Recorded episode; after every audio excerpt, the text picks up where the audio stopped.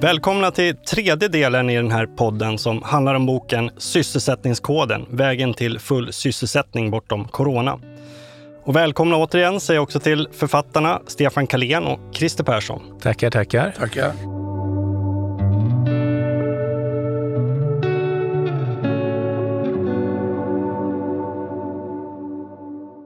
I förra delen så pratade vi om ekonomisk teori och ekonomiska kriser, om olika sätt att se på och bekämpa arbetslösheten och om eh, hur det har pendlat mellan keynesianism och nyliberalism under de senaste hundra åren. Vi var också inne på coronakrisen och den senaste tidens stigande inflation och vilka utmaningar det för med sig. I den här delen tänkte jag att vi skulle prata om ert alternativ, ert program eller kanske ert recept för hur vi kan bota arbetslösheten och komma tillbaks till full sysselsättning.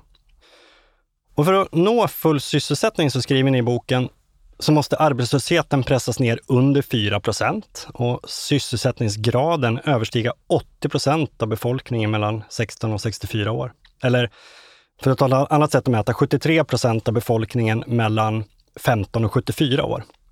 Hur många fler jobb måste i så fall skapas fram till sig 2025 jämfört med regeringens prognoser i den sista budgetpropositionen? Stefan? Det här är ju eh, saker naturligtvis som förändras eh, i exakta tal, då. men jag kan säga att det, vår bedömning ligger ungefär att eh, vi skulle behöva öka sysselsättningen med ungefär en halv miljon människor för att kunna då på så sätt få ner arbetslösheten med åtminstone 250 000, eh, alltså en kvarts miljon. Och det här hänger ihop med alltså att när vi ökar sysselsättningen så är det inte bara de arbetslösa som eh, får bli sysselsatta utan det hämtas även in personer från de som står utanför arbetskraften. Och, och, det här är ju, låter ju väldigt mycket. En mm. halv miljon fler jobb. Här, det låter väldigt mycket, men vår bedömning är att det är möjligt och att det faktiskt går om man eh, har en uthållighet och för en rätt politik helt enkelt. Vissa skulle ju säga att det handlar om naiva önskedrömmar. En mm. halv miljon jobb på tre år. Ja, det kan vara tufft på tre år, det måste vi nog ändå tillstå. Liksom. Och speciellt med tanke på hur politiken har förts eh, sedan vi skrev boken, om jag ska vara riktigt ärlig. Men vi menar att vi, vi på sikt ändå har, det har en stor möjlighet att kunna nå det. Men det gäller att vara uthållig i politiken och det är det som den tyvärr inte har varit. Jo, antalet år där är inte så högst väsentligt eh, om det inte ligger ligger för långt fram i tiden. Utan det är den här volymen och det är inte omöjligt. De senaste åren har det skapats ett antal hundratusen jobb så, att, så det, det, tror jag är fullt möjligt. Däremot på tre år är det inte säkert och, och det är inte det väsentliga. Det viktiga är att, vi, att det går åt det hållet och det är precis som Stefan säger, det är en långsiktig och en uthållig politik som krävs. Det är det viktigaste. Den måste vara omfattande, långsiktig, uthållig och det på ett helt annat sätt än det varit. Det är det som är det viktigaste. Ja, för ni föreslår ju en ny politisk giv, en new deal kan man väl säga, som innehåller två huvudspår. Om vi börjar med det första spåret, en aktiv ekonomisk politik. Hur skulle den se ut, Christer? Ja, du måste använda finanspolitiken mycket mer aktivt än tidigare. Det finanspolitiska regelverket måste läggas om, moderniseras. Först balans, eh, ett balansmål och sen ska du ha möjlighet till underskottsfinansiering. Du ska kunna lånefinansiera till stora investeringar. Eh, och det som är viktigt med en omläggning av finanspolitiken det är en inriktning på att stimulera investeringarna. Det är investeringarna som är det viktiga. Varför är de viktiga? Jo, om vi ska vara lite tekniska här nu så är det investeringar investeringar som har de största stimulans eller ekonomer brukar tala om multiplikatoreffekter, det vill säga stimulerar du investeringar så får det störst effekter på eh, BNP och sysselsättning. Så det är investeringarna va, som du måste sikta in dig på och de har också mest positiva effekter på arbetslösheten. Så att eh, det är modernisering, det är lånefinansiering, det är inriktning på investeringar. Hittills har ju, har ju eh, konjunkturpolitiken, eller den ekonomiska politiken varit inriktad bara på penningpolitiken och sen har man haft de automatiska stabilisatorerna i finanspolitiken. Och vad menar man med det? Det? Jo, det är som jag sa tidigare, det är sådana åtgärder som finanspol eller de effekter finanspolitiken har utan att man behöver ändra på, ta beslut i riksdagen. Om vi tar a-kassan så har den en sån, när lågkonjunkturen kommer då eh, betyder en bra a-kassa att man dämpar fallet i efterfrågan. De här sakerna måste, måste göra på ett helt annat sätt. Och det gäller även nu så måste man våga föra en aktiv finanspolitik med inriktning på investeringar. Den typen av åtgärder höjer inte inflationen, snarare tvärtom. Investeringarna har ju ett antal fördelar. Det ena är att de ökar det samlade kapitalet för produktion i ett land, realkapitalet. Det andra är att man ökar produktiviteten med investeringar. Och Det tredje är ju att en investering som man lånefinansierar till innebär att du har både en skuld men också en tillgång. Du försvagar inte balansräkningen, för att uttrycka mig enkelt. Stefan Ingves och andra som är ansvariga för penningpolitiken, de skulle säkert säga att det här är en väldigt äventyrlig politisk linje. Att, att stimulera ekonomin i det här läget och vi har hög inflation. De går ju snarare in för motsatsen, att strama mm. åt nu och, och strypa ja, efterfrågan. Ja, men det är ju det som är det riskfyllda detta. Ingves, han måste göra så, så mycket han kan för att, att säga, få ner inflationen, därför att då har man ett, ett lagstadgat krav på Riksbanken. Problemet med Ingves idag är att de verktygen och räntan kanske inte biter mot den inflation vi har idag därför den är importerad. Det är inte som jag sa, vi har sagt tidigare, det beror inte på stora löneökningar i förhållande till produktiviteten. Det beror inte heller på att efterfrågan är för Nej, du kan, inte, du kan inte använda vilka typer av stimulanser som helst, men du kan använda investeringar, det är det som är poängen. De är inte inflationsdrivande investeringar i utbildning och framförallt då i klimatomställning, bostadsbyggandet och annat. Nej, jag skulle snarare säga tvärtom. Att det, det, det är nu som vi det är väldigt viktigt att göra de här riktigt stora energi och klimatinvesteringarna därför att det skulle ju naturligtvis leda till lägre energipriser på sikt eh, och lägre priser på eh, drivmedel och allting som vi, som vi ser att vi är beroende av och som driver inflationen väldigt mycket. Men vi skulle också börja säga så här, det, eh, investeringar är inte inflationsdrivande och inte heller satsningar på utbildnings och arbetsmarknadspolitik. Det är det som, som vi också tycker är viktigt. Det, det innebär ju snarare att man utbildar människor som gör att man kan stimulera utan att det på så sätt blir flaskhalsar på arbetsmarknaden.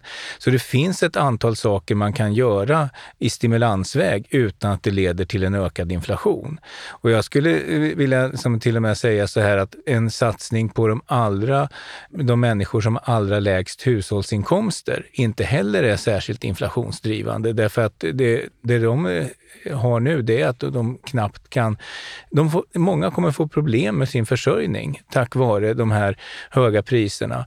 Så här är det ganska viktigt att staten går in. I gårdagens nyheter så var det en stor nyhet hur människor måste vända sig till eh, olika organisationer som Stadsmissionen för att klara livhanken, på att säga, att klara sin egen försörjning. Fler och fler människor, de ser ju eh, de som konfronteras med människor som har svag ekonomi, svårt att försörja sig. De, de vittnar ju om nu att fler och fler människor vänder sig till den här typen så att vi har ett, fatt, ett fattigdomsproblem i den meningen i Sverige.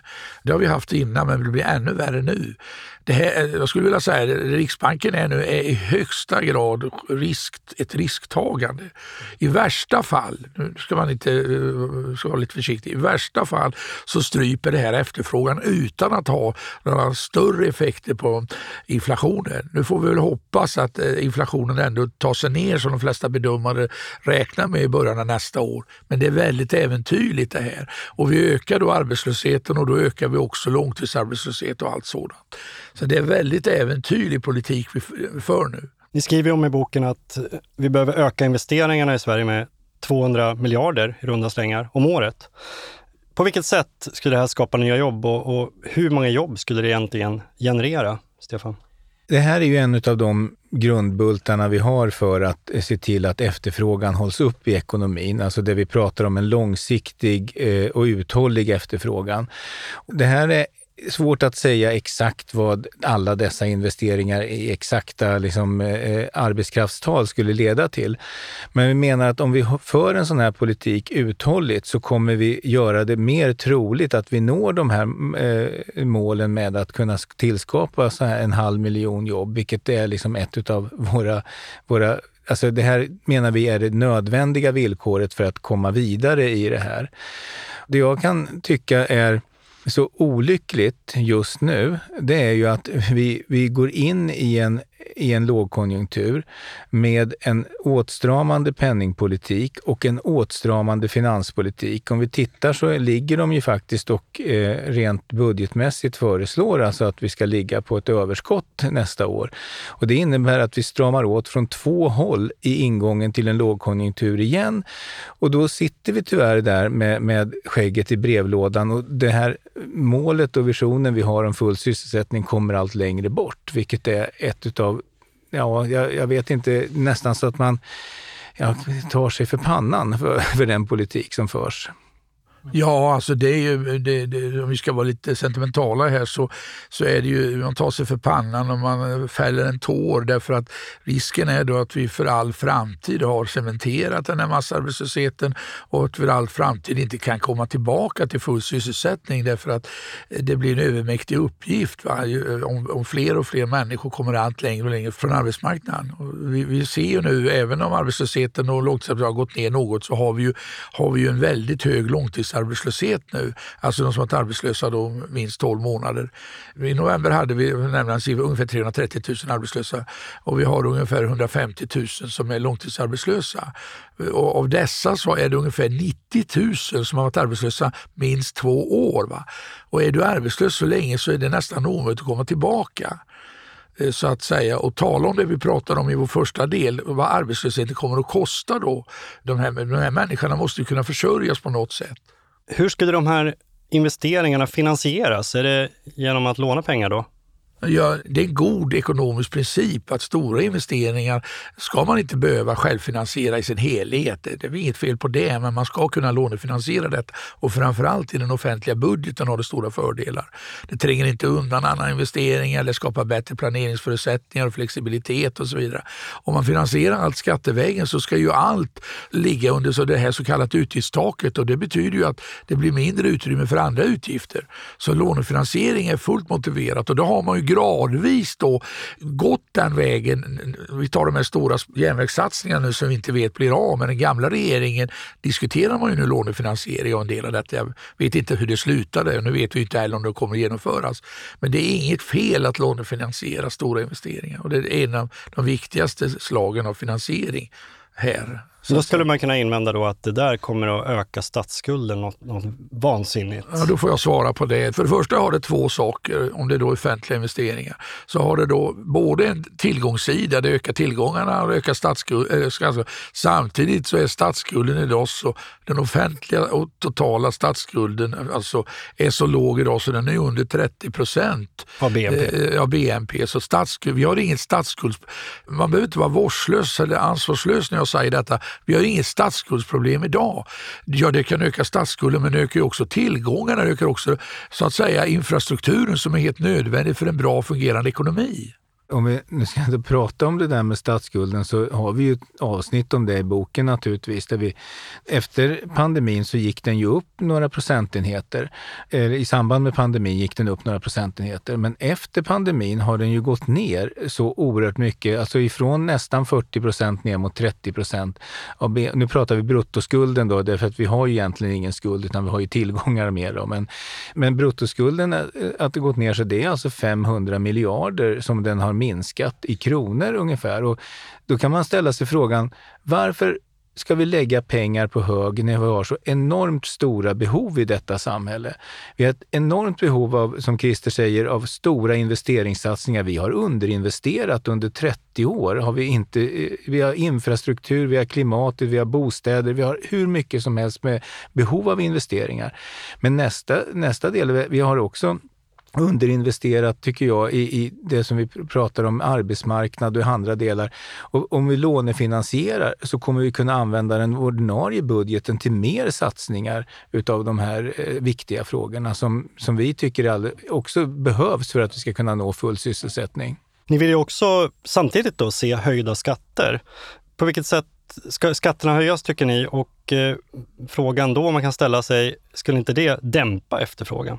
Ja, alltså vi, vi vill höja skatterna. Vi talar inte om vilka skatter utan det blir en senare fråga. Vi tror, och det, det tror jag vi, eh, styrkan i våra argument bara ökar, nämligen att ska vi klara framtidens välfärd med demografiska och andra faktorer som driver upp kostnaderna, då måste vi höja skatteuttaget något. Vi, vi, vi nämner ingen siffra exakt där, men vi måste göra det. Men vad vi gör det är ju att vi omfördelar från privat konsumtion, om vi höjer skatterna då, och framförallt från de som har bästa ekonomin, starkaste ekonomin. Och sen satsar vi ju då på offentliga investeringar och offentlig konsumtion. Så vad vi gör är, eh, är inte att dra åt utan snarare stimulera. Vi sker en omfördelning av efterfrågan i, i ekonomin. Men som sagt vi måste höja skatten. En, en, en väldigt tydlig, för att kom, som vi inte tar upp i boken men som är uppenbar nu, det är ju att denna bristande balans i skatten på arbete och kapital, den kan vi inte ha längre. Men det är en ideologiskt väldigt komplicerad fråga där socialdemokratin också väldigt osäker, tyvärr. Men där måste det ske en, en utjämning idag. Skatten på kapital har ju minskat eh, kraftigt under de senaste åren i förhållande till skatten på arbete.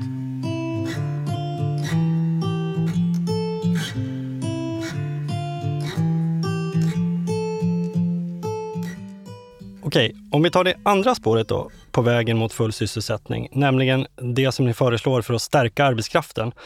Varför behövs det mer politik, en aktiv politik på det området än idag, Christer? Ja, det är uppenbart att det behövs därför att som vi sa tidigare har vi en allt större del av arbetslösheten som består av människor som står långt från arbetsmarknaden, har en eh, svag förankring på arbetsmarknaden. Och vi har ett stor arbetskraftsbrist i privat sektor och offentlig sektor. Det finns jobb, men de jobben klarar inte de här arbetslösa att ta därför att de har inte den kompetensen, den utbildningen. Då måste du stärka utbudet, du måste stärka dessa grupper och det gör du genom en aktiv arbetsmarknadspolitik på ett helt annat sätt. Och det är förbluffande över att den gamla regeringen kunde låta arbetsmarknadspolitiken förfalla så. Den har minskat som andel av BNP, resurserna till den och även som, eh, om man slår ut det på arbetslösa under lång tid. Den måste stärkas med nya resurser resurser eh, och en helt annan, en annan inriktning. Var mera så att säga där man rustar upp eh, arbetskraften. Eh, och sen måste du ha då en utbildningspolitik som på ett bättre sätt är samordnad med arbetsmarknadspolitiken. Där Arbetsförmedlingen har större möjligheter att kunna anvisa människor till reguljär utbildning. Vi föreslår i vår bok som inte har någon större uppmärksamhet ett särskilt arbetsmarknadspolitiskt program som ska innehålla då utbildningsinsatser där Arbetsförmedlingen bättre samarbete med kommunerna eller vuxenutbildning, för vuxenutbildningen är viktig i sammanhanget. Arbetsmarknadsutbildningen. Jag kan ta ett paradox, som, nu ska jag hålla mig lugn i studion men man kan bli uppretad på mindre. Vi behöver ungefär, det finns ett behov av eh, ungefär 11 000 chaufförer kommande åren per år. Eh, så att säga, rekrytera 11 000 chaufförer. Och det är olika typer av chaufförer, busschaufförer, eh, lastbilschaufförer och så vidare. Och det gör man bäst genom att man använder sig av arbetsmarknadsutbildningen. Och det gäller även andra yrken som kockar och andra tidigare. Och trots detta behov så har arbetsmarknadsutbildningen legat på märkligt låga nivåer under lång tid, 5-6 tusen. Och det måste höja upp till 20-30 tusen. Det är också viktigt för att just utbilda den här typen av yrken. Sen är det en annan viktig sak, om man tillbaka till full sysselsättning så måste man genomföra ett batteri av åtgärder för de här grupperna som jag pratat om som står längst från arbetsmarknaden. Jag kan komma till det sen, men det är ett antal punkter där som måste till för att få in dem på arbetsmarknaden. Det är ju helt, klarar vi inte av det, då når vi inte full sysselsättning. Du får gärna ta det nu. Ja, Vad är det för slags åtgärder? Ja, det är ett antal åtgärder. Jag tar dem väldigt sådär så att det blir tydligt. Det ena är att du måste stärka förmedlingsinsatserna, använda aktiv förmedling. De här grupperna är svaga, har inte kanske de kontakter som andra har. De måste ha aktivt stöd. Det andra är att du måste se till, ungefär en tredjedel av de arbetslösa har högst förgymnasial utbildning. Då måste du se till att de grupperna klarar gymnasiet. Och det föreslår då vi ett kunskapslyft på sätt att man hade i slutet av 90-talet. Just för den här gruppen. Det rör sig om 110-120 000 människor. Det tredje saken du måste göra det är att du måste skärpa och eh, stärka lönesubventionerna. Alltså eh, subventioner till de här grupperna som vi har idag. Det verktyget finns i verktyg verktygslåda men den måste skärpas och måste användas på annat sätt. Du har arbetspraktik som du behöver användas på ett annat sätt kombinerat med utbildning och så vidare. Här har du ett antal konkreta åtgärder för de här. Plus då som är viktigt och det är viktigt att säga, den offentliga sysselsättningen måste öka och det är ju inga problem. När vi gick hit Stefan och jag så sa att SKRs senaste prognos som kom igår, den visar att regioner och kommuner har ett rekryteringsbehov fram till 2031 på 410 000 människor. Och då räknar jag in det som beror på behovet men också pensionsavgångar. Och de klarar inte ensam om att fylla upp det med ökad rekrytering utan de måste göra andra saker inom ramen för de verksamheterna. Men, men här är det ju ett enormt så att säga, möjligheter för att få in människor som är arbetslösa på arbetsmarknaden. Sen pratar ni också om arbetslivspolitik. Vad, vad menar ni med det, Stefan? Det är också en viktig del i allt det här, alltså att kunna både förebygga och hantera personer som blir långtidssjukskrivna riskerar att eh, helt och hållet kastas ut från arbetsmarknaden för att det inte finns någon egentligen grundläggande rehabilitering som, som vi pratar om. Jag kan väl säga så här att eh, det, ena är ju att naturligtvis att, att det förebyggande arbetsmiljöarbetet har ju också dragits ner under en ganska lång tid. Och här behöver man göra stora insatser för att försöka förhindra att människor blir utslagna ifrån arbetsmarknaden på grund av sjukdomar och andra delar.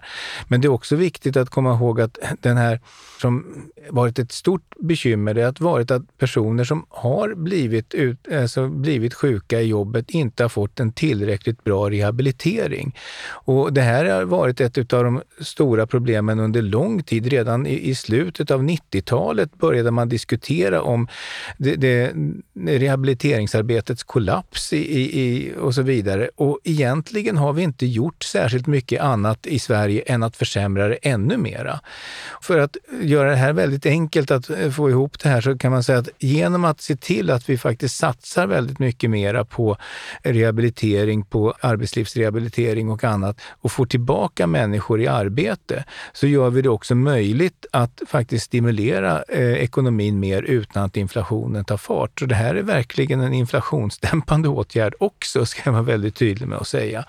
Och, och dessutom hindrar det naturligtvis lidande för väldigt många människor. Ja, det är anmärkningsvärt att trots sjuk, när sjukfrånvaron har ökat så har man satsat mindre och mindre på rehabilitering. Och det har visat sig sen i analyser att det beror bland annat på det här så kallat eh, rehabiliteringskedjan, jag skulle kalla det sorteringskedjan som den borgerliga regeringen införde då när man bedömer om en människa har rätt till sjukpenning. Olika, olika gränser för olika när gränser man ska bedömas och eventuellt kastas ut. Ja, ja och det har då mm. lett till att eh, man har, eh, har hållit, hållit tillbaka rehabiliteringen. För få har rehabiliterats rehabiliteras, för sent har man rehabiliterats. Samordningen mellan olika myndigheter i rehabiliteringen har fungerat dåligt. Och det är också anmärkningsvärt att det har fått pågå så länge. Och här har vi också en, en del av arbetslösheten består av de här personerna som då har jättesvårt att överhuvudtaget komma tillbaka till arbetsmarknaden. Så att här är det verkligen rättning i ledet som behöver göras. Och det här är som ytterligare en pusselbit i hela det smörgåsbord av åtgärder som vi tycker måste göras utöver att öka stimulanserna i ekonomin. Innan vi rundar av det här avsnittet så vill jag lyfta in en annan fråga, nämligen det här med teknikutvecklingen, automatiseringen och digitaliseringen.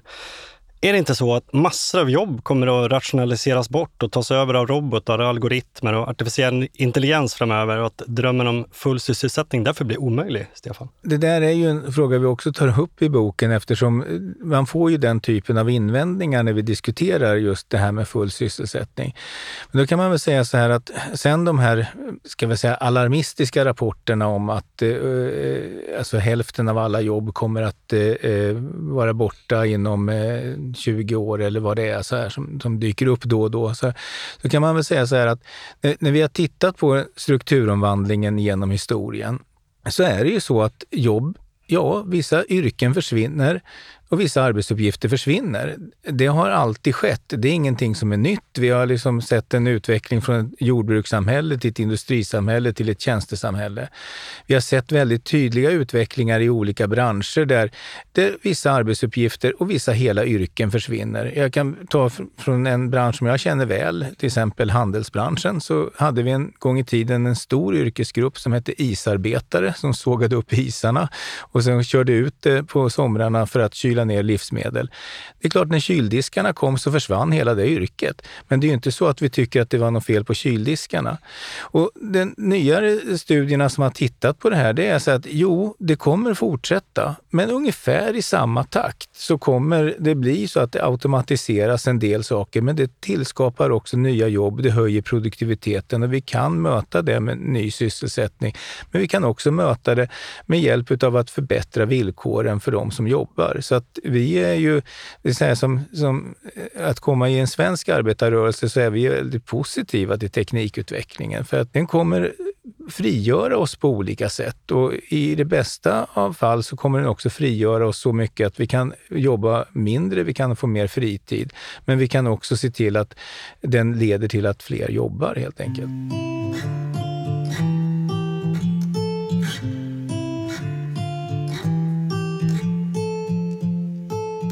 Om vi ska sammanfatta den här diskussionen då. Om vi ska nå det här målet eh, med full sysselsättning i Sverige, vad är det då framför allt som krävs menar ni? Ja, det krävs ju som sagt var en gigantisk upprustning av hela, nu använder jag termen sysselsättningspolitiken. En annan aktiv ekonomisk politik. Penningpolitiken kan man nu, eh, nu lägga lite åt sidan eh, och den har ju varit verkningslös här under åren när räntan var låg. Det är finanspolitiken och det är det vi har pratat om tidigare, finanspolitiken. Och sen har du hela eh, arbetsmarknadspolitiken, arbetslivspolitiken som jag pratat om och utbildningspolitiken och framförallt de här riktade insatserna för 75 procent av de arbetslösa som står längst från arbetsmarknaden. Och där krävs utbildning, kompetensutveckling, starkare lönesubventioner, arbetspraktik med utbildning, starkare förmedlingsinsatser och så vidare. Va? Jag skulle bara vilja tillägga det att vi ser ju att arbetsmarknadspolitiken har effekter, men ett problem som vi har sett under den här, det var att resurserna till arbetsmarknadspolitiken har, har minskats. Samtidigt har man gjort privatiseringar och massor med experiment som har varit helt felaktiga. Och det här har gjort, lett till att de här positiva sakerna från arbetsmarknadspolitiken inte har fått det fulla genomslag det egentligen borde göra. Så det vi menar är att det måste tillföras mycket resurser till arbetsmarknadspolitiken, men, men också se på kvaliteten på de här sakerna. För eftersom arbetslösheten idag består av en så stor grupp av personer som har korta utbildningar så behövs det också återkommande utbildningsinslag även inom lönesubventionsdelen. För att få det så krävs det att det finns verkliga handledare på arbetsplatserna. Vi, när vi har tittat på lönesubventioner idag inte ens där man får handledningspengar finns det handledare. Det finns ingen som kan hjälpa, hjälpa till. Det finns inga utvecklingsplaner. Det finns inga, inga, ingen som efter att man har genomfört en lönesubvention, att man faktiskt får dokumenterat vad man har gjort och så vidare. Så det finns mycket också kvalitativa saker som behöver göras som vi också tar upp i boken. Och sen så en sak som vi, vi också trycker på, det är ju också det här utbildningssystemet som vi har med grundskola och gymnasieskola. Att det idag, så, som Christer har varit inne på tidigare, att det är en 15 till 20 procent, lite olika så här, som faktiskt går igenom utan att ha klarat av fullständiga betyg. Och här innebär det då att vi får en stor grupp som får en stor risk att hamna i arbetslöshet och långtidsarbetslöshet. Och den här gruppen varje år kommer det in. Och det är klart att där måste vi också göra någonting för att se till att människor inte liksom slås ut väldigt tidigt. Vad är det då som talar för att de som styr Sverige idag, det är ju inte Socialdemokraterna utan en borgerlig regering då, kommer att välja den här vägen som ni föreslår?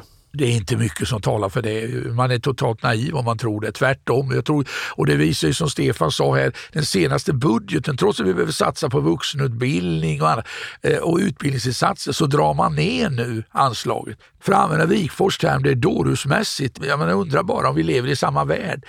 Socialdemokratin måste, och det kan vi avsluta med, socialdemokratin har ett kongressbeslut på att man, full sysselsättning är det viktigaste målet för den ekonomiska politiken. Och nu måste man gå från ord till handling där det vi vill, det är ju verkligen att man tar fram ett konkret program där man har en tydlig vision om hit vill vi komma och det här är verktygen och det här är den politik man ska föra.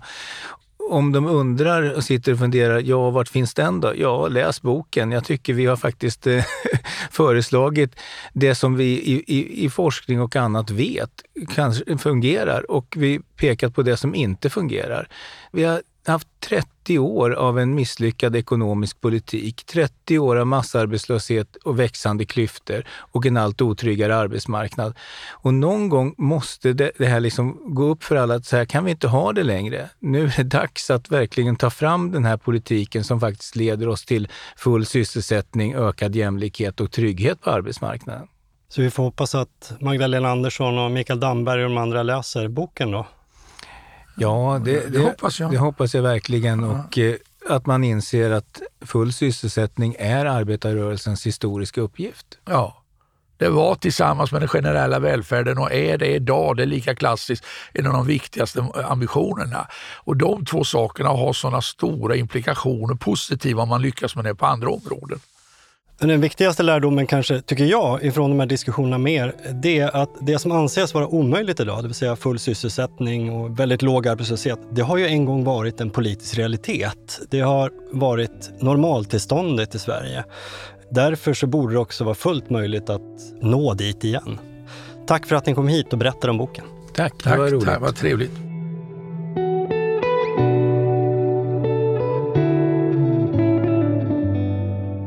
Lyssnat på tredje och sista delen av ett samtal mellan journalisten Kent Werne och författarna till boken Sysselsättningskoden, Stefan Karlén och Christer Persson. Boken är utgiven av Leopard förlag och kan beställas på förlagets hemsida eller från din nätbokhandel. Avsnittet är producerat av Stray Dog Studios.